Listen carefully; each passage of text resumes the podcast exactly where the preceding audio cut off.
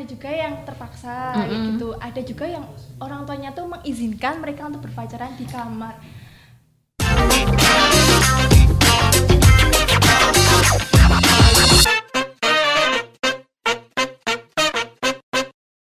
Oke, selamat datang di podcast Menjadi Remaja. Selamat datang ini dari Kulon Dari. Kulon Progo. Kulon Progo. Waduh. Jauh-jauh dari Kulon Progo sampai ke Sleman. Iki antar kota dalam provinsi, AKDP. Ya. Tadi berangkat jam berapa tadi? Aku berangkat jam 10 tapi Mbak Dia berangkat jam setengah 11. Ya, biasa aja, Cukup beda. Maksudnya gimana tuh? Jauh agak ujung saya. Dari mohon mana? maaf. Saya dari Temon. Oh, wow. Deket banget sama Purworejo, Mbak. Mm, kali maghrib maghribnya nggak sama gitu iya Oh my god. Sumpah. Pojok Polda, Polda Daratan. Iya. Ora ding yo. Eh, ini kenalan dulu deh. Jadi sama Mas siapa dan Mbak siapa nih di sini? Oke, sebelumnya perkenalkan nama saya Ibnu Singgi. Mm-mm. Saya dari Kulon Progo, Heeh, dari apa nih organisasinya? dari Forum Genre Kulon Progo. Oke, sekarang kegiatannya apa nih Mas Singgi? Sekarang karena saya masih maba ya, baru Ha-ha. mau bas- ma- baru mau kuliah besok. Heeh. Masih sekarang organisasinya baru Forum Genre Kulon Progo. Oh, Nanti gitu. baru mau ikut organisasi di kuliahan kayak gitu. Ini maba banget. Iya. Freshman banget. Freshman banget gitu. Fresh gitu. fresh. Wah, Abis rilis gitu. ya ampun, fresh banget loh teman-teman. Ini ya ampun baru baru aja keluar dari SMA gitu kan. Ya ampun, masih imut-imut. oh, generasi corona bener. Iya. Berarti kamu itu ujian dari kelas 3 berarti full kelas 3 tuh di rumah. online. Iya. Nggak ngerasain yang namanya masa-masa indah itu nggak ada. Pensi itu nggak ada ya, Nggak- pentas, perpisahan, ang- Nggak foto kelas, foto angkatan. Foto angkatan sempat ada, Ah. ada, ada. Itu Nah, diadain. Diada, diada-adain kan demi biar Diusahain Ah, biar ada kenangan gitu, oh, ya. main, main orang ngenes-ngenes banget gitu. Kira Ya kayak ampun. sedih gitu kayak. Aku paling "Elah." sedih dengan dengan generasi 2019 ke belakang ini itu benar-benar kehilangan momen Momen-momen gitu, indahnya gitu. indah. I feel Sad you banget. bro, I feel you gitu kan. Sedih. Terus ini dengan Mbak dia dari Mbak Dia? forum Kindri Kabupaten Kulon Progo tentunya mbak. Mm-mm. terus eh, saya juga mahasiswa angkatan 2020 juga angkatan corona juga mbak. Jadi kita nggak ngerasain UN gitu. Satu minggu sebelum UN itu mbak itu tuh dipending semuanya jadi gagalkan semuanya gitu. Oh wow, perasaannya pas itu gimana? lega sih Nggak soalnya ada ada UN, ujian ha. soalnya ujiannya tuh sulit toh mbak biasanya. Aduh aku nggak masuk ya aku kayak salah jurusan deh kayak gitu loh mbak tapi alhamdulillah nggak jadi UN ya Allah gitu. dulu itu udah senang-senang sorak-sorak gitu loh mbak wah dua minggu kita libur dua minggu kita libur ternyata sampai semester 2 sampai mau semester Semester tiga nggak ada yang namanya SMA lagi itu mbak Ya Allah, sakit banget. Terus kemarin berarti lulusannya pakai nilai rapot aja ya? Mm-mm, pakai Oh, nilai gitu. rapot Oh. sama sekolah ujian sekolah Semacam sekolah itu ya. Wow, kalian ini aku kalau bilang generasi kalian ini gener- generasi survivor deh soalnya itu kalian belum pernah merasakan apa yang dirasakan orang lain. Generasi lain itu nggak pernah merasakan ka- genera apa yang kalian rasakan saat ini. Nggak akan pernah. Oh, nggak akan pernah dan nggak ada deh generasi yang minta terjebak di pandemi ada. gitu kan. Makanya tuh kalau ada yang suka nyinyirin generasi kalian ini anak sekarang tuh gimana sih? Aku bilang bu ya ampun pak mas mbak please deh om tante Oh ini anak ngerasain pandemi situ nggak pernah kan ngerasain pandemi gitu kan. Mohon maaf. pokoknya, itu aku paling su- paling nggak suka kalau dibilangin ini anak sekarang tuh beda deh mbak kayak anak dulu. Ya elah anak sekarang bisa selamat hidup aja juga ada lumayan aku bisa Iya sehat sih, mental bener. di rumah itu loh mbak kan biasanya juga ada masalah rumah terus kalau kita baru kuliah nih mbak terus eh dek tolong dong ini padahal kita baru ujian uas dan lain Ah. sebagainya kan itu Coba tuh itu nguji kayak- mental. Musim mental banget soalnya tuh kan ujian yang ngomong di rumah Iya. ya bener itu. jadi nggak berasa kayak u- jadi gini kayak ada eh secara psikologis tuh aneh gitu ya jadi Banget. ujian tapi neng omah terus ada suaranya ibu bapak adik Iya. kita gitu Bener harus banget. menyesuaikan kondisi ya Banget sih, adaptif banget sih. Ah, ya ampun, aku bisa membayar. Wow, kalian ini hebat banget. Nah, kita kan di sini mau ngomongin ini. eh kehamilan tidak diinginkan gitu. Uh, itu bahasannya tuh kelihatannya kayak kenyataan yang ada di lapangan tapi nggak banyak yang ngomongin gitu kan. Cuman jadi bener. bisik-bisik tetangga lah kok malah kayak judul lagu dangdut. jadi cuman bisik-bisik tetangga, cuman jadi bahan gibah, tapi nggak pernah dicari solusinya, bener nggak sih? Bener Nah, banget. kan cuma jadi bahan gibahan doang kan, gitu kan, tapi nggak pernah dicari solusinya. Terus yang ada cuman nyalahin anaknya Ya, gitu bener. kan, cuman nyara, cuman cuman nyalahin anaknya gitu kan. Terus buat kalian sendiri apa tanggapan kalian soal ini mengenai seks pranikah gitu? Mm, kalau seks pranikah itu tentunya dia melakukan aktivitas seksual ya mbak terus Mm-mm. tapi sebelum nikah dan itu nggak mengindahkan norma-norma dari masyarakat kayak gitu terus jadinya kayak ah kalau aku seks pranikah terus hamil berarti nama baik orang tua aku nggak apa nggak bisa aku jaga kayak Mm-mm. gitu jadi mereka jadi mengisolasi diri kan Mm-mm. terus untuk relasinya antar masyarakat juga susah kayak gitu mbak Terus kalau kayak gitu pendapatnya soal seks? Kalau menurut aku sih buat yang udah seks pranikah gitu ya, itu kayak kasihan gitu loh mbak. Oh, Awalnya kasihan tapi gedek juga. Soalnya kayak paham gak sih? ya mangkel, Dampaknya kan? itu loh kayak fisik, psikis, sosialnya banget tuh kan keras banget ya. Apalagi kalau masih yang uh, masyarakat tradisional gitu kan digibahin, di kayak dijauhin gitu kan pasti mentalnya kena banget Ah, kan ah, ah. gitu. Mere- mereka tuh harusnya kayak ih mikir dampaknya tuh apa aja sih? Nanti aku depannya gimana? Kayak gitu. di teman-teman kalian di lingkungan kalian ada nggak sih yang eh, apa KTD seks pranikah itu?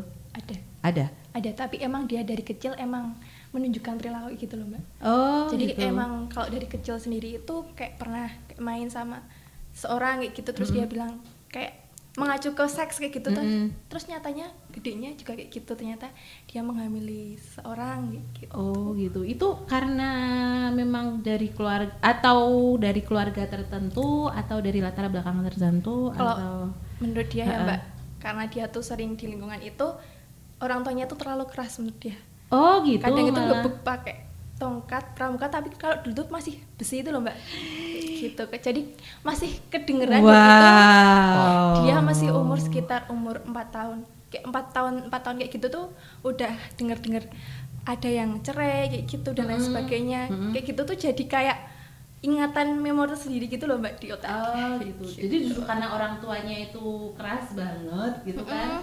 Terus ditambah lingkungannya dia yang ya itu yang lingkungannya yang kurang mendukung dia akhirnya jadi berperilaku seperti itu ya. Kalau di lingkungannya Singgih itu ada nggak kas- eh, kisah gitu soal begitu seks pranikah dan KTD gitu. Oke, kalau di lingkunganku sih ada, tapi eh, dia background keluarganya yang kurang baik juga. Oh, gitu. Cuman itu katanya malah kehamilannya tuh diinginkan. Emang Disengaja? Eh, eh, emang perempuannya tuh emang pengen punya bayi, udah kayak kode-kode gitu loh. Katanya sering bikin story kayak ih pengen dedek bayi gitu. Terus malah dia kan juga punya pacar. Jadi keluarganya ibunya itu yang eh keluarga orang tuanya gitu yang udah berharap dia punya. Bukan anaknya. Oh anaknya. Si si perempuannya kalau keluarganya tuh ya kayak nggak ngurusin gitu loh, Mbak. Oh jadi si anaknya malah pingin punya anak. Mm-mm. Dan berenang aja kemarin udah hamil terus nikah. Umur berapa? Umur 16. Wah. Masih muda belia banget gak sih? Masih 16, kayak buset. Aku 16 mikirnya juga masih main. Aku aja masih pakai mainan perawan tok-tok itu. aku 16 ini sih sekaten. Masih Oh. kira sekaten enggak? Aku 16 masih ke sekaten golek awul-awul gitu kan. Itu itu ya kalau umur 16 buat nyari baju nggak mungkin kan ke mall dengan bermerek itu jadi awal-awal is the best gitu kan. Awal-awal is the best gitu. Uh, 16 mudah banget ya Iya, masih mudah jadi banget. kayak pengaruh keluarganya tuh ngaruh banget. Karena saking nggak diurusinya gitu loh mbak, sama Hmm. keluarganya, sama ibunya dicuekin, sama bapaknya juga nggak diurusin. Uh, ngeri banget itu.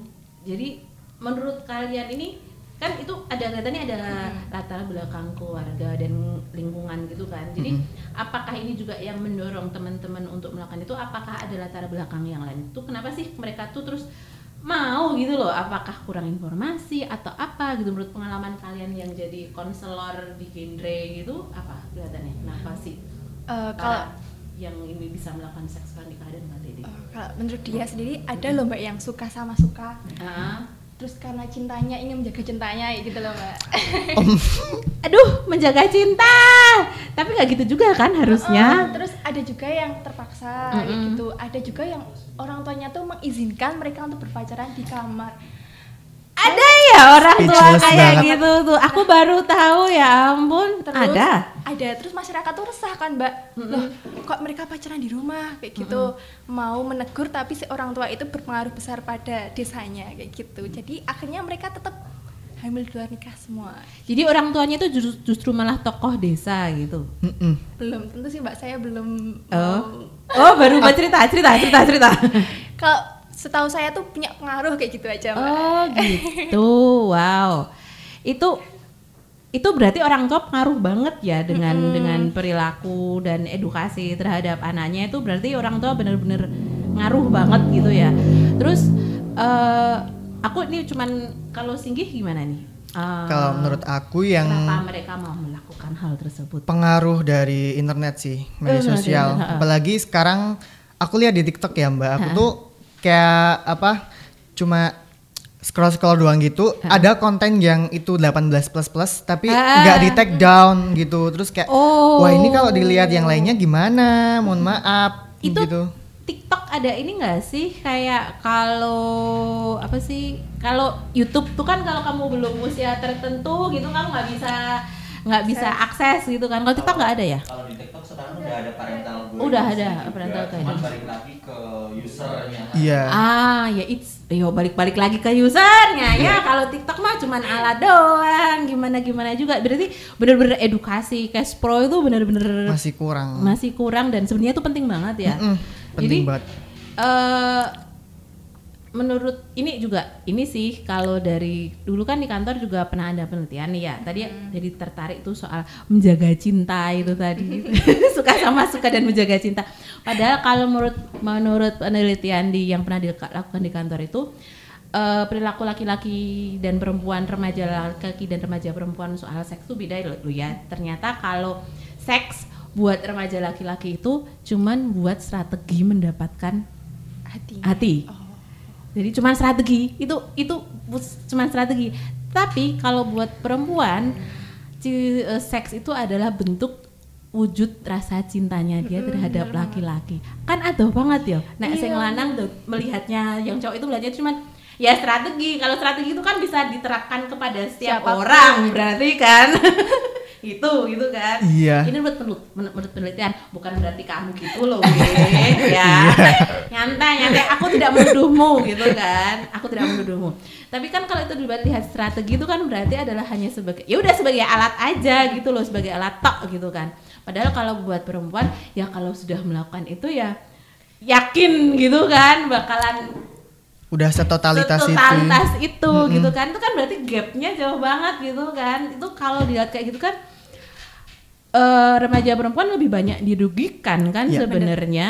Udah dia yang hamil. 9 bulan Sakit, sakit, kayak gitu, digibahin tetangga sekolahnya nggak lanjut gitu kan. Hmm. itu tuh sedih banget ya kalau kayak gitu tuh. Eh, terus kalau di obrolan tadi itu kan berarti orang tua itu berperan penting gitu kan. Sebenarnya apa sih yang bisa dilakukan orang tua untuk ini eh, edukasi eh, reproduksi kepada anak-anaknya gitu? Apa yang bisa dilakukan sama orang tua biar anak-anaknya tuh paham gitu kan? Apakah orang tua harus mulai membuka membuka wawasan tidak lagi melihat itu sebagai hal yang tabu gitu Eh, sebenarnya kalau peran orang tua itu sama pentingnya sama peran individu atau diri kita sendiri gitu ya mbak. Kita nggak 100% menyalahkan orang tua gitu. kadang ada loh mbak malah yang orang tuanya baik tapi anaknya kebablasan kayak Ah, gitu juga ada. Terus kalau untuk eh, bagaimana menjalin relasinya kita banyak-banyak berbicara pada anak. Misalnya dari kecil kita eh tadi gimana harimu kayak gimana tadi nangis enggak sakit enggak kenapa-napa atau gimana kayak gitu jadi kita lebih bisa anak bisa bisa curhat ke kita Ah. bisa leluasa kalau Ah, ah. mau apa-apa gitu terus kalau mau mengedukasi seks kepada anak langsung pakai nama gitu jangan pakai kayak nama apa ya kayak eh mentimunya tolong dong atau apa gunungnya atau apa kayak gitu loh Mbak. kan itu ya, ya, juga ya, ya, ya, ya. setahu dia itu belum kurang tepat gitu Uh-uh. tapi langsung di eh, namain aja Heeh, kayak jadi gitu. kalau alat produksinya langsung gitu ya Mm-mm. kayak vagina Mm-mm, bener. ah, gitu penis gitu langsung aja gitu kan langsung Iya. ya emang itu namanya itu Iya. kan secara struktur anatomi Iya. itu yang namanya itu cuman kan kalau orang dulu tuh ngomongin itu aja udah bilang apa apaan sih? Gitu Ya, kan. masih padahal tabu gitu. ta- tabu. Padahal itu sebenarnya enggak ya karena itu emang secara anatomi tubuh memang namanya itu gitu kan. Justru nek di selamur selamur ke jadi yang lain malah nggak nyampe ya kan Iya. edukasinya gitu. Oh gitu. Terus kalau Mas Singgi sendiri peran orang tua itu apa? E, seberapa besar peran orang tua atau 50-50 dengan anaknya sendiri? Kalau menurut aku juga setuju sama Mbak Diah tadi, pengaruh orang tua sama individunya sendiri itu juga uh, 50-50 gitu tadi. Terus uh, karena sekarang juga sebenarnya baru pandemi gini kan, jadi uh, lama durasinya kita bertemu dengan orang tua kan lebih lama. Ha-ha, jadi benar, uh, benar, benar. saran aku, eh, menurut aku orang tua lebih uh, terbuka aja sama anak, lebih mengikuti perkembang zaman tapi ya tentunya, maksudnya jangan yang apa cara mendidiknya kayak zaman dulu kan nanti anak kayak apa sih ibu kok kayak gitu? Apa sih bapak kok kayak gitu? Jadi lebih uh, memahami karakter anak dan anaknya juga lebih nyaman dan enjoy gitu buat cerita buat tanya buat berkeluh kesah. Misalnya kalau misalnya yang perempuan kan misalnya kayak hari pertama mens gitu kan Ah, ah, ah, ah. agak panik apa gimana gitu kan jadi nggak nggak tertutup gitu Iya, lebih cerita. bener. bu aku berdarah kayak gini gimana gimana gitu. Itu penting banget sih berarti emang komunikasi dan keterbukaan sama orang tua tuh emang penting banget ya. Banget. cuman eh apa sih kalau orang tua tuh kan masih suka canggung gitu ya ngomongin anak gitu kan soal eh, apa edukasi cash pro gitu kan. Ada saran nggak gimana biar orang tuanya bisa lebih terbuka? Atau mungkin anaknya yang mancing gitu atau gimana sih gitu? Gimana ya kalau kayak gitu menurut aku ya emang dari kitanya aja yang harus mancing dari orang tua. Kadang kalau misalnya kita udah membuka topik gitu ya terus orang tua tuh udah lancar gitu ngomongnya Oh, gitu, komunikasinya ya udah langsung bolak-balik interaktif kayak gitu. jadi emang kita kadang yang harus peka kadang orang tua juga yang harus saling memahami kayak gitu yang yang penting saling memahami Mm-mm, ya gitu kan. Penting terus banget itu. nggak takut. Maksudnya dalam artian nggak nggak judgmental dulu sama orang Ya. tua kali ya. Soalnya Ya. tuh biasanya kalau aku jadi remaja itu dulu aku judgmental alah paling juga bapak sama ibu nggak paham gitu kan. Padahal justru harusnya kita memahamkan mereka kan Ya. kalau mereka nggak paham gitu kan. Kalau kayak gini loh bu sekarang tuh anak muda tuh kayak gini gitu kan. Menurut bapak ibu gimana? gitu kan. Atau sok-sok cerita kancane padahal janjane ceritanya di EDW gitu Iya. kan takut dimarahin biasanya tuh kan kayak gitu kan. Bu bu aku tuh punya cerita kayak gini deh gitu kan. Padahal ceritanya ceritanya di EDW gitu Iya. kan itu sih kalau mbak dia ada? Eh, kalau menurutku kadang kan orang tua tuh mencukupinya kita secara uang kayak gitu mbak. Ah, ah, finansial ah, kayak gitu terus kita lupa perhatian. Nah cara kita mengambil perhatiannya kalau mereka istirahat atau baru makan sama-sama tuh cerita aku tadi sama dosenku kayak gini kayak gini dapat net gini segini kayak gitu tuh juga bisa membuka peluang kita kayak gitu. Setuju banget sama Singgih tadi juga. Justru dan justru masa pandemi corona ini di mana kita berkumpulnya lebih banyak justru itu menjadi kesempatan yang pas banget ya untuk kita sudah mulai saling terbuka curhat. Udah udah nggak zamannya lagi tabu ngomongin Iya, masalah kesehatan reproduksi itu udah nggak zamannya lagi. Soalnya kan karena semakin banyak kita tahu semakin kita bisa mencegah gitu kan ya. Eh, terus kan ini Singgi sama dia ini kan konselor ya? Itu terus eh, peran apa yang sudah kalian lakukan di lingkungan gitu untuk eh, pendidikan cash pro di lingkungan mungkin di sekolah atau di kampus atau di lingkungan ini genrenya di di di Kulon Kulon Progo. Progo, di desa atau di kecamatan Kapena Kapanewon. Ah. itu ada mbak. Kalau di punya saya itu di dusun dulu ya mbak. Di dusun dulu tuh saya punya pick air namanya pick remaja Pandawa. Dan kita itu meluangkan waktu atau membuat waktu lebih lama gitu dengan kita ngecat mural.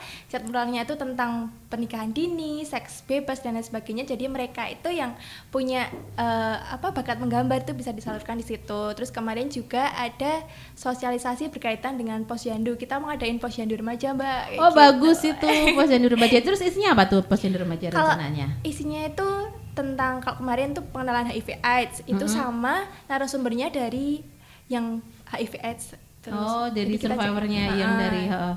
Terus kemudian ada kayak cek darah atau tensi, berat badan dan lain sebagainya. itu penting tuh Oh, buat remaja tau nggak sih? Kalau remaja tuh banyak yang anemia gitu kan banyak yang underweight dan overweight Ah, atau itu. kelihatannya dia sehat sebenarnya sehat tapi ternyata anemik parah gitu kan. Karena remaja tuh sekarang itu loh lagi pengen cantik kurus langsing putih kayak idola K-pop mereka gitu Oh kan. aduh ya ampun. Itu penting banget tuh kesehatan kesehatan remaja itu bagian dari kesehatan reproduksi juga kan, Iya. kesehatan fisik itu bagian dari kesehatan reproduksi juga kan, itu penting banget buat remaja putri, remaja laki-laki itu emang penting banget. Kalau buat Mas Singgi udah pernah melakukan apa aja nih di Oke, Ginbrenya? kalau eh, dari aku sebenarnya bukan sebagai konselor sebaya ya, maksudnya aku lebih ke kayak ya remaja biasa gitu. Aku kadang kalau misalnya baru kumpul sama temen nih, misalnya berdua atau bertiga gitu kan, kalau cowok-cowok kan biasanya eh, bahas topiknya tuh kadang lah topiknya yang berat-berat. Nah itu kadang aku Oh. selipin kayak gitu kayak eh sebenarnya kalau eh, HIV itu gini-gini loh, kalau misalnya narkoba tuh kayak gini-gini, terus eh, apa aja sih dampaknya kalau seks pranikah tuh kayak gini-gini. Terus sekarang eh, topiknya malah jadi dalam banget, kadang bahkan sampai aku kayak, hah emang iya ya? Aku sendiri yang kayak gitu, jadi temanku kadang malah lebih tahu dan kadang juga aku yang memberitahu ke temanku, jadi saling memberi gitu. eh, eh, sharing-sharing ya. sering-sering gitu. Terus eh, pengalamannya sering-sering gitu ada nggak sih yang ceritanya aneh-aneh gitu? Sejauh ini enggak. Enggak. Alhamdulillah Oh, temen aku baik-baik aja. Nggak ada yang aneh-aneh ya. Syukur. Bersyukur. Terus eh, kalau ada nggak sih kiat-kiat supaya eh, bisa mengantisipasi seks pranikah gitu eh, pengalaman sendiri aja gitu kiat-kiat sama dia sama Singgi gitu kiat-kiat apa sih biar membentengi diri biar nggak melakukan hal yang aneh-aneh itu gitu siapa nih yang mau mulai duluan Kalau dia sendiri menyibukkan diri mbak, kalau Hmm. enggak kita lebih dekat aja sama yang kuasa. Maksudnya tuh kita berdoa atau yang lainnya sebagainya. Kita kan juga mau ambis prestasi ya mbak kayak gitu. Jadi kita semisal nih, aku mau 2021 jadi duta genre gitu. Oh. Terus ada ambis tersendiri buat kita buat nyapai cita-cita itu. ya Setting gitu. goals Eh, gitu bener, ya, gitu. Gitu terus ikut webinar, ikut organisasi, terus eh, ka- karena ini kan corona pandemi, jadi nggak bisa ketemu sama teman-teman, kita sempet sempetin gimit sama teman-teman dan lain sebagainya. Jangan sampai kita tuh eh, bebas tapi kebablasan gitu, jangan sampai. sebenarnya kegiatan tuh banyak yang yang bisa dilakukan gitu. Cuman ya ya itu tadi balik lagi ke anaknya masing-masing kan sebenarnya. Dan itu yang paling susah buat teman-teman konselor dan buat yang ling- eh, buat kita semua sih sebenarnya gimana mengarahkan ke arah yang lebih positif gitu kan. Karena kita cuma bisa ngasih info kita nggak bisa maksa juga kan gitu kan. Terus kalau Mas sendiri apa nih kiat-kiatnya? Kalau dari aku hampir-hampir mirip sama Mbak Dia sih menyibukkan diri sama kegiatan, terus juga mendekatkan diri sama Tuhan. Terus eh, buat aku gimana sih biar eh, ilmu yang aku dapat tuh bisa keterima atau kesebar ke teman-teman lingkungan sekitar aku kayak gitu. Aku biasanya eh, menurut aku lebih ke penggunaan media sosial. Apalagi sekarang kan remaja-remaja sekarang tuh lebih minatnya di videografi kayak gitu nggak sih? Ah. Terus eh, kayak saingan ih ini editannya bagus, ih ini isinya bagus, kontennya sangat terupdate dan nggak plagiarisme gitu. Nah, itu biasanya eh, disisipin sama materi-materi gitu tapi yang enggak enggak kayak webinar gitu, tapi Ah, lebih ke lebih fun gitu ya ah, jadi lebih remaja tuh nangkepnya tuh asik gitu, enggak yang kaku banget kayak itu enggak Ya, gitu. oh, lebih fun gitu. Nah, aku jadi penasaran nih. Kalau dari pengalamannya Singgi sama dia itu sebenarnya yang sering ada nggak sih kelompok usia tertentu gitu yang lebih sering melakukan eh, lebih sering melakukan seks pranikah atau ada demografi tertentu kelompok eh, apa sih kelompok umur tertentu gitu pada kelompok usia berapa sih yang paling banyak kasusnya gitu dari KTD seks pranikah kayak gini tuh 15 sampai 19 tahun sih. 15 19 Soalnya tahun. Kulon Progo tahun 2019 itu 123 yang Ya, Hah? Itu Iya. apa yang? yang wanita melahirkan. itu dari umur 15 sampai 19 tahun. Kan itu ada dua kemungkinan, Mbak. Mm-mm. Emang mereka udah nyiapin pernikahan atau emang kebablasan kayak gitu. Oh gitu. Berapa? 100? 23 tahun. 2000? Itu naik 2019 kalau 2018 tuh 110 Heeh. terus naik berapa 13 Heeh. oh my god Aku kok curiga pas corona masa malah lebih banyak lagi ya? iya sih Mungkin belum terdeteksi. Ah, ah, belum terdeteksi, belum terdeteksi gitu. Terus itu kan ngeri banget ya. Maksudnya tuh eh karena ini kan sebuah kegiatan yang hanya dilakukan oleh dua orang manusia dan nggak ada nggak ada saksinya tau maksudnya ya ya ora mungkin dilakukan di tempat umum gitu kan ya gitu kan. Itu ngeri banget. Terus eh apa ya eh bener-bener eh, nggak ketahuan banget gitu loh. Jadi emang benar-benar yang bisa kita lakukan adalah benar-benar merubah pola pikir, melu- merubah pola pikir teman-teman kan, merubah pola pikir bahwa jangan mau dikibulin sama lelaki buaya gitu untuk menyerahkan jiwa dan ragamu gitu kan yang model-model kayak gitu. Ada nggak sih teman-teman yang ya, hampir nyaris dikibulin kayak gitu? Pernah pernah ada teman nggak yang hampir nyaris dikibulin kayak gitu? Kalau hampir nyaris belum ada yang cerita ya Mbak. tapi kalau yang udah kejadian kan biasanya banyak. Tuh kalau di Kulon Progo tuh ada mbak sebenarnya. Kayak forum kumpulan ibu-ibu KTD gitu tapi mereka Oh. susah untuk sharing-sharing karena menurut saya mereka agak apa ya mbak mengasingkan diri toh mbak terus Oh, dia susah untuk gitu. sharing-sharing tapi sekarang masih belum berjalan dengan baik pokoknya gitu di saat misalnya tuh ngiri mulia kayak gitu jadi mereka dulu adalah eh, ibu-ibu yang KTD gitu terus mereka bikin forum sendiri gitu Iya, itu atas Big R jadi dia ada Big R-nya gitu. Mm-mm. Jadi kita tuh nggak cuma mengatasi yang belum tapi yang udah. Kan berarti eh, berarti ibu muda banget ya itu Eh, ibu muda banget. Ah, menurut kalau dilihat dari obrolan tadi kan eh, mereka tuh sebenarnya lebih banyak dikucilkan gitu kan dan itu sebenarnya juga bagian dari permasalahan gitu kan. Iya. Ada nggak sih yang sudah dilakukan genre biar sebenarnya tuh mereka jangan dikucilkan orang mereka juga udah ada masalah jangan sampai dikucilkan itu pernah ada nggak eh, apa yang dilakukan genre biar mereka tidak semakin terjerumus dengan permasalahan yang mereka udah kena masalah tambah masalahnya tambah gede lagi gitu. Oke, kalau gini, kalau menurut aku kalau udah terlanjur kejadian gitu ya yang butuh pendekatan menurut aku dari orang tuanya dulu. Kadang kan ada yang orang tuanya kayak nggak terima, ih tiba-tiba kamu hamil, tiba-tiba kamu hamili gitu kan kayak terus orang tuanya kadang shock, ada yang nge-support, ada juga yang malah kayak kamu bukan anakku gitu loh. langsung dimarahin. Nah itu kita perlu mungkin edukasi dulu ke orang tuanya. Kalau udah kejadian kayak gitu, berarti anaknya sekarang butuh support nih buat eh, gimana nanti ke depannya. Buat eh, sekarang ini yang perlu dilakukan tuh apa aja kayak gitu biar nggak dampaknya tuh nggak semakin parah gitu loh. Apalagi dampak fisik buat yang hamil gitu kan kasihan banget kayak gitu. Terus eh, kalau ini kan tadi kebanyakan ngomongin yang perempuan ya, jelas perempuan yang paling banyak Iya. eh, per- paling banyak mendapatkan efek gitu kan. Terus kalau yang laki-laki sendiri kan katanya mereka tuh bebas terus jadi kayak kayak bebas ya nggak berasa banget gitu kan efeknya gitu.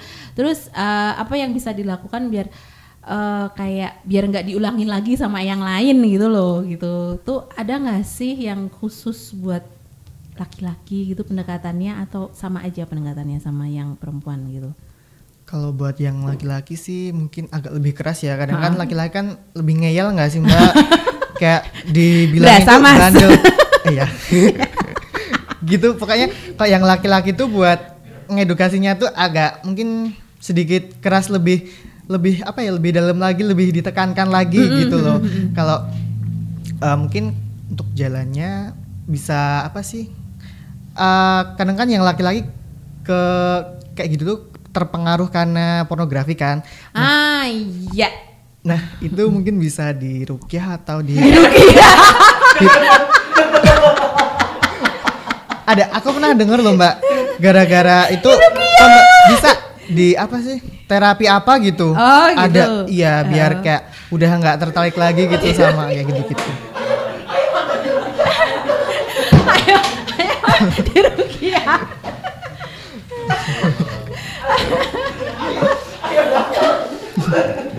Kayak gitu sih.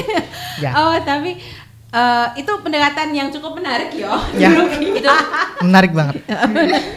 Ada yang pernah lihat Rukiah belum sih? Ada yang udah pernah pernah nonton Rukiah gitu? Belum. di TV itu. Iya. Oh, gitu. Yang langsung belum pernah ya. Aku juga nggak mau deh. Terus eh, kalau kalau di genre di Kulon Progo sendiri sampai saat ini kegiatannya selama pandemi apa dong? Oke, karena baru dibentuk juga ya tahun 2020 akhir, jadi sekarang eh, kami lebih fokus buat mengaktifkan sosial media kayak gitu. Oh, Ada gitu. Instagram, Facebook, Ada Twitter juga. Instagramnya? Ada. Ada. Apa? Genre underscore KP. Iya.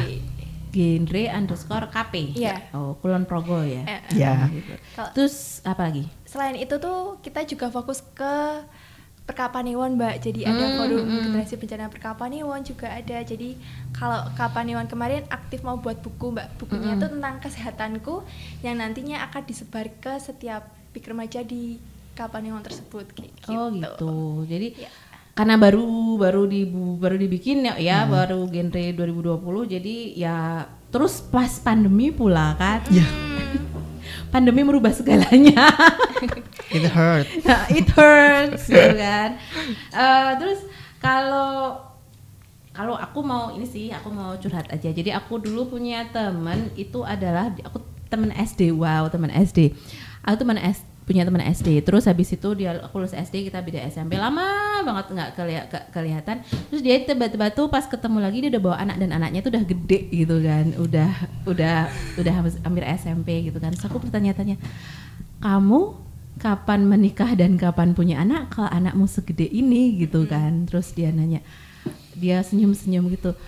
Aku menikah lulus SMP ya gitu gitu kan. Terus ha kok bisa? Kamu ngapain? Aku kan pura-pura nggak tahu padahal sebenarnya juga tahu kan gitu kan. Kamu ngapain? Gitu kan. Terus dia bercerita gitu kalau dia itu kan seks pranikah terus KTD gitu kan. Terus dia akhirnya curhat banyak banget. Betapa beratnya gitu kan setelah dia punya anak remaja banget. Umurnya berapa sih? Kalau lulus SMP itu 15 15. Nah, 15 16 kan 16, Ya. Gitu kan. Oh, 15 16 gitu kan gitu kan. Terus dia cerita ya Allah ya susah banget kalau dia bilang dia bilang dia keluar sendiri sih dari mulutnya. Kalau aku bisa muter waktu tuh ya pas dulu di buayain sama pacarku aku nggak mau deh gitu. Lah terus kamu pas itu ngapain? Ya itu bucin ya bucin bucin itu merubah segalanya dan kayak gitu. Terus dan pun dia tuh akhirnya pisah juga sama suaminya yang yang menghamili itu kan ya umur segitu kan ya maksudnya paham apa sih buat rumah tangga Oh gitu God. kan? Cuman cuman bertahan 2 3 tahun gitu kan akhirnya dia pisah terus akhirnya ketemu sama suami yang sekarang dan alhamdulillah suaminya baik banget kan yang sekarang. Ah, suaminya yang baik, eh, baik banget yang sekarang. Cuman kan aku mendengar ceritanya dia tuh ngenes banget gitu loh dia tuh kehilangan banget kan kalau Iya. masih remaja tuh maksudnya dia masih 16 tahun gitu kan. Masih 16 tahun dia masih bisa seneng-seneng masih bisa meraih cita-cita dan kawan-kawan gitu kan. Walaupun dia oke sekarang dia hidupnya lebih baik gitu kan. Cuman ada waktu yang tidak bisa digantikan lagi. Kita kan nggak bisa balik lagi ke masa remaja Ya, gitu kan. bener. terus aku tuh oh gitu kan ya ampun ngenes banget gitu kan. Aku sedih banget buat temanku itu rasanya kayak ngerantes gitu kan diceritain iki terus ya anaknya sih dia udah gede gitu kan anaknya udah gede gitu. Cuman secara secara psikolo- psikologi dia kalau lihat anaknya itu ada merasa bersalah gitu kan. Ada merasa bersalah karena dia juga dulu pas anaknya melahirkan anaknya juga masih remaja kan. Jadi dia nggak tidak bisa memberi kasih sayang selayaknya kalau emang lahir dengan keinginan sendiri toh gitu kan. Jadi dia merasa bersalah itu. Jadi ini pesen ya buat teman-teman yang lain. Jangan mau dibuayain sama laki-laki. Atau perempuan juga. Jangan salah lo ada buayawati. Nah, bener. Buaya mati. jangan salah lo ada buayawati gitu kan. Terus ini ada pesan-pesan terakhir nggak sih buat teman-teman penonton atau pendengar gitu, kita? Oke, buat pesen aku buat teman-teman eh raihlah impian kalian. Pokoknya kalian mau ngapain ya udah lakuin sibukan kalian untuk menggapai impian kalian. Jangan tergoda, terlena dengan cinta. Oh my god, apa itu? Dan pokoknya jangan mensibukkan diri dengan bucin-bucin tadi. Ah, jangan, jangan banget. bucin. Pokoknya fokus aja sama eh, masa depan kalian gitu. Hmm, kalau dia ada pesan Kalau dari aku terbanglah bebas bebas bebasnya kepakan sayap jangan sampai bebas sampai kebablasan dan untuk teman-teman nih yang udah melakukan hubungan seksual kalian masih punya masa depan ayo kita bangkit menatap dunia dengan sudut pandang yang berbeda dan tentunya masa lalu adalah milikmu dan masa depan bisa kita rencanakan keren keren keren keren. Nah, ini di sesi ini kita ada permainan nih. Jadi Mas produser sudah menyiapkan permainan. Ini nah, ini namanya permainannya adalah pernah nggak gitu kan? Pernahkah kamu melakukan hal ini? Jadi kalau pernah itu pangkat yang hijau yang have uh, have I ever kalau belum pernah angkat yang mer- merah yaitu never, Never. gitu kan. Nah, aku akan memberi kalian pertanyaan dan kalian pernah nggak melakukan hal ini gitu kan. Oke. Eh, gitu. Paham? Bam. Nah, jadi Bismillah. cing, gitu. Eh, udah siap belum nih? Dah. Oke, pertanyaan pertama. Kalian pernah nggak ketahuan nonton film porno oleh orang tua? Satu. Satu, dua, Eh. tiga. Ini menjebak ya. Mohon maaf. Maksudnya kalau nggak pernah terus nggak ketahuan gitu. I'm sorry. Agaknya salah nih pertanyaannya. Berarti belum pernah kan? Ya belum. Oke. Pernah Misalkan nonton film jangan, jangan. Oke. Mohon maaf. Eh, tapi aku pernah loh, aku ngaku nih jujur dulu pas SMA. Terus kaget. Ini apaan sih kayak gini ditonton gitu kan. Aku jadi bingung. Kenapa Kenapa kalian nonton film porno? lewat lewat di TL oh, dulu pas di warnet tahu sendiri kan warnet zaman dulu tuh bener-bener bebas gitu kan gitu. Terus aku penasaran karena aku pas SMA tuh teman-temanku tuh obrolan cowok gitu kan men- menguping gitu kan. Terus kita penisirin gitu kan. Di balik oh ini. Ah. Ada logonya. Terus ada terus menguping obrolan cowok gitu kan. Terus habis itu apaan sih yang mereka ngomongin gitu kan? Terus aku segerombolan ciwi-ciwi gitu ke warnet terus kita buka gitu kan. Terus kita dan itu dan itu polosnya kita ya. Ya ampun kita nanya sama masnya tukang warnet ya masnya tukang warnet lah ya kaget tuh mbak kowe apa ya takon ngono kan. Terus penasaran mas? Ngono toh. Terus apaan sih? Gitu kan. Terus yakin mbak Arab nonton? Iya mas penasaran. Nah kalau tukang warnetnya kan emang udah dibayar mereka mah peduli peduli amat gitu kan. Terus dibukain gitu terus kita wah pada apa ini? Ya ampun gila nih? Gitu. Terus dimatiin terus kita rugi yo kita ke warnet. Gitu. Uangnya bisa buat jajan Mbak Ina. oh bener. Nah rugi bandar kita ke warnet. Gitu. Itu pengalaman pertama gitu kan. Terus ya udah akhirnya kita berheran-heran kenapa sih pada cowok-cowok pada suka lihat begituan gitu kan? Cuman ya itu misteri ilahi ya. Nih pertanyaan kedua. Eh, pernah nggak ngobrol seks dengan teman? Tentang seks. Iya. Ngobrolin apa nih biasanya? Disebutin nih. Heeh. Nggak apa-apa itu juga namanya pendidikan kesehatan reproduksi nggak usah malu gitu kan Biasanya kak aku sama temen aku ngobrolin penyakit sih Oh, sama penyakit. kalau ada skandal-skandal gitu. Cuman aku kadang Anda Iya. Tapi kadang Ya tapi kadang aku kayak ketinggalan gitu kayak, hah emang ada berita kayak gitu? Saya nggak pernah ngikutin artis-artis gitu loh. Oh, yang artis. Semua deh pokoknya. yang baru ini gitu. nggak tahu dia mukanya. skandal skandal jepit Bukan. Maaf.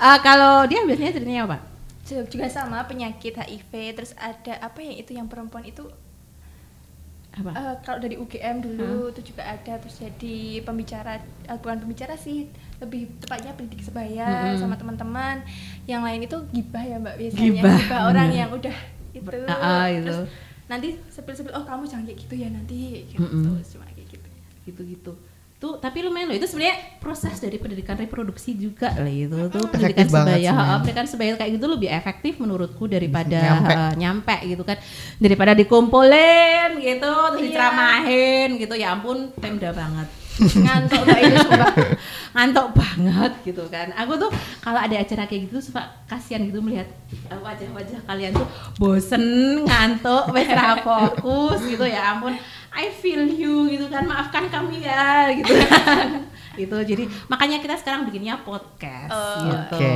biar biar lebih nyampe gitu kan ke teman-teman gitu. Terus pertanyaan ke berikutnya nih. Eh pernah nggak kalian pernah nggak kalian bertanya tentang seks atau kesehatan reproduksi ke orang tua? Oh, never. Kamu pernah? Terus ini penasaran nih, kenapa nggak pernah nanya? Kan kamu konselor gitu. Coba sendiri dong. Gimana ya kalau ngomongin kayak gitu tuh canggung sendiri. Canggung Beneran- sendiri. Beneran. Tapi coba deh gitu kan, try gitu kan. Sekali aja atau cerita ngaji Tapi pernah sih eh, dengerin bapak, tapi cuma dengerin Uh-uh. pembicaraan orang tua gitu kayak ya 18 plus gitu. Terus kayak ih kotor banget gak suka. langsung ih nggak ada adab ya orang tua. Soalnya beneran langsung ah, biasa kan orang Jawa tuh frontal banget gitu mbak. Langsung Oh, kalau- kalau ngomong, Iya, gitu. langsung pada ketawa. Ih, apa yang lucu? Kadang nggak bikin kayak itu mah nggak lucu. Oh, kalau berarti eh, lebih suka yang ngobrol, jangan di jangan dijadiin joke juga Iya. ya. Sebenarnya menurutku kalau ngejadiin jokes kayak gitu tuh juga nggak bener juga sih. Pada pada akhirnya jatuhnya akan lebih merendahkan gitu kan dan terus eh, edukasinya jadi malah banyak yang misleading banyak yang salah juga kan kalau mau ngobrolin oke lah dijadikan joke tapi jangan merendahkan Iya, juga jangan yang gitu berlebihan kan. Gitu. jangan berlebihan juga terus kalau dia Kalau aku menstruasi mbak, soalnya dulu tuh aku ditunggu-tunggu kok nggak mes-mes kayak gitu Mbak. Kan ibu khawatir, aku tuh laki-laki apa perempuan. belum diakui kayak teman-temanku tuh udah, kok aku belum juga, kayak sedih juga loh mbak. Ah. ya ampun, kalau ibu tuh pertama kali aku ceritain tuh langsung senyum semringah Oh gitu. Eh, Tapi kalau cewek itu memang lebih banyak, lebih ada apa namanya pintunya ya. Soalnya kita bisa ngobrol-ngobrol masalah menstruasi kan. Kalau cowok itu kan kalau mimpi basah itu kan ya nggak mungkin di oh di diumbar. Kalau kan ya, woi aku mimpi basah gitu kan ya Kan mungkin pasti juga. ditanya, "Mimpi gitu apa, kan. ayo?" Ah, gitu. Gitu. Terus akhirnya malah jadiin ba- bahan bahan guyonan itu kan yang bikin cowok-cowok jadi males sharing gitu kan padahal justrunya ja- justru jangan gitu kan kalau udah pernah mimpi basah oke berarti kita harus mulai ngomongin yang lebih serius nih gitu kan? Namanya kayak gitu kan kalau cewek tuh emang lebih punya uh, pintu untuk ngobrolin masalah itu karena kita menstruasi itu emang pintu pertama kalau cewek kalau mau ngomongin masalah kesehatan reproduksi yang lebih serius gitu kan? Dan itu biasanya tuh uh, tadi di- juga udah diobrolin sama teman-teman tuh biasanya tuh kesalahpahaman tuh justru juga dimulai dari itu kan banyak mitos-mitos yang nggak benar Bener gitu kan. banget. Nah, nah itu tuh justru itu pintu pertama gitu kan itu Eh, menarik menarik menarik, jadi ya itu kalau besok ada cerita soal lebih basah jangan diolok-olok ya. Iya. jangan digojekin ya kasihan Kasihan. Eh, pertanyaan berikutnya nih pernah nggak lihat pegang atau beli alat, kontrasepsi? Lihat, atau pegang atau beli alat kontrasepsi? Satu dua tiga. Kalau lihat pernah. lihat pernah. Tuh kalau ada di PKB itu kan juga ada tuh mbak biasanya. Mm-mm. kalau anak-anak genre kumpul terus oh kok ini ada alat apa ini? Gitu. Jadi pernah. geli nggak sih dulu pas lihat pertama Enggak, soalnya udah gede tuh mbak, udah 16 tahun plus plus ya. oh 16 tahun plus plus. Ya. Mungkin kalau umurnya 12 tahun kayak gitu kepo. Dulu aku kepo mbak, loh kok ibu kok disuntik itu loh mbak pakai? Terus suntik KB Oh, suntik KB terus kok nggak bisa ngapa-ngapain? Itu suntik KB buat apa sih sebenarnya? Kayak gitu. dulu masih kepo kayak gitu terus bisa cari jawabannya sendiri. Oh gitu. Tapi nggak geli gitu ya Nggak. lihat pertama. Terus kalau sih Aku cuma pernah lihat di toko. Di toko? Oh kondom? Ya, oh my god. nggak apa-apa dibilang kondom kiss pro kiss pro Oh, iya, iya, iya. kondom gitu kan. Oh kalau aku dulu pernah pernah membelikan temanku. Hmm, itu karena dia ah pernah membelikan ya akhirnya pernah lihat pegang dan beli gitu kan. Oh, pernah beliin aja temenku sih. gitu kan. Jadi dia ini sih kalau temenku lagi sedang sebenarnya dia suami istri tapi nggak mau punya anak gitu kan. Oh. tapi yang cewek nggak mau eh yang cewek nggak mau alat pakai ini kontrasepsi gitu kan. Takut takut pakai alat kontrasepsi jadi ya udah beli kondom gitu. Terus entah kenapa aku dulu lupa deh ceritanya aku suruh suruh beli. Kok mau aku terus jadi bandar. Ah jadi bandar. Aku tuh udah bilang eh yang dikasih apa? Kenapa aku yang suruh beli ya Cing?" Aku gitu. Terus please deh beliin gitu. Aduh aku. Ya udah gitu. Mas pasti pakai masker pakai helm. Beli kondom.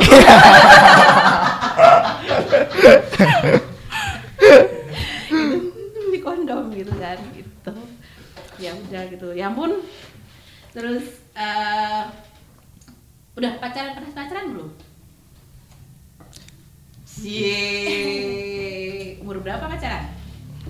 Aku pas SMP mbak. SMP. Mm-mm. Kelas 7 Ya ampun masih muda belia.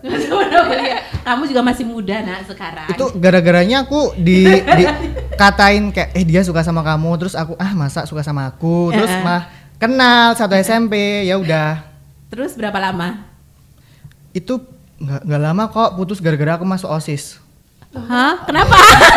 nggak boleh pacaran. Oh. Gitu. Iya. Kayak idol ya nggak boleh pacaran kalau masuk. Kalau masuk label. kasian banget sih dia. Terus kalau dia pacaran baru SMA ini. SMA ini berapa lama? Ih, aku tahu. Sampai sekarang. Sampai sekarang. Oh, tapi kalian ngapain aja tuh selama tapi pacaran? bukan pacaran sih mbak. Komitmen ya gitu. Kalau bahasanya cowok-cowok sekarang kayak gitu tau mbak. Komitmen. Iya kemarin siapa sih yang dari Mitos. genre ya? Yang ada di genre Gunung Kidul? Kita nggak pacaran kok kita komitmen. Nah. oke Oh my God. baik. Gitu kan. Kalau pacaran aja. biasanya ngapain sih? Kalau kalian? kita itu sering makan atau apa sih memberi makan kucing kayak gitu di pasar kan ada tuh mbak suatu pasar ah kamu suka gitu. kucing Iya, suka ya banget. ampun uh banget sih sama kalian itu dilatih sama buat itu sering sedekah kayak gitu Heeh. kadang tuh eh, dia punya makanan apa itu dibagiin sama bapak-bapak sampah Heeh. atau apa gitu terus main semisal lagi butuh cerita penat banget kayak gitu loh Heeh. mbak terus cerita satu sama lain karena menurut dia temen itu semakin berkurang ya mbak semenjak corona kayak gini. Heeh. kita tuh tahu bener-bener yang mana yang teman sama yang enggak kayak gitu. Jadi kalau ada dia tuh bisa buat kita apa ya? Pasangan. a shoulder to lean on. Allah. Itu ini pacaran sehat banget ya ngasih makan kucing latihan sedekah gitu loh guys. Pacaran yang bener Sharing-sharing. tuh sharing-sharing gitu. Kegiatan tuh positif tuh banyak kok. Beneran deh sumpah gitu kan. Jadi ngasih makan kucing. Aku nggak kepak nggak kebayang loh pacaran tuh ngasih pas- makan kucing di pasar. Itu bisa oh, itu bisa jadi ini nih eh, ide cerita gitu kan. Ada yang ada yang mau bikin cerita sinetron gitu kan. Eh, cinta bersemi karena ngasih makan kucing di pasar gitu. Nggak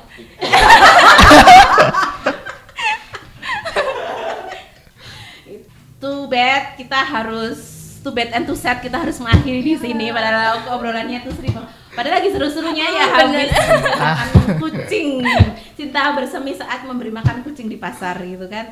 Makasih banget sudah hadir di sini gitu kan. Sudah jauh-jauh dari Lendah Mm-mm, bener dan Mbak. Temon, gitu. Jadi AKDP banget kalian teman dan Abdel. Udah udah ya ampun. udah jauh-jauh dari Lenda dan Temon datang ke sini untuk ngobrol sharing dengan kita gitu kan. Terus eh, semoga sukses. Untuk amin kegiatannya untuk cita-citanya untuk kuliahnya gitu kan.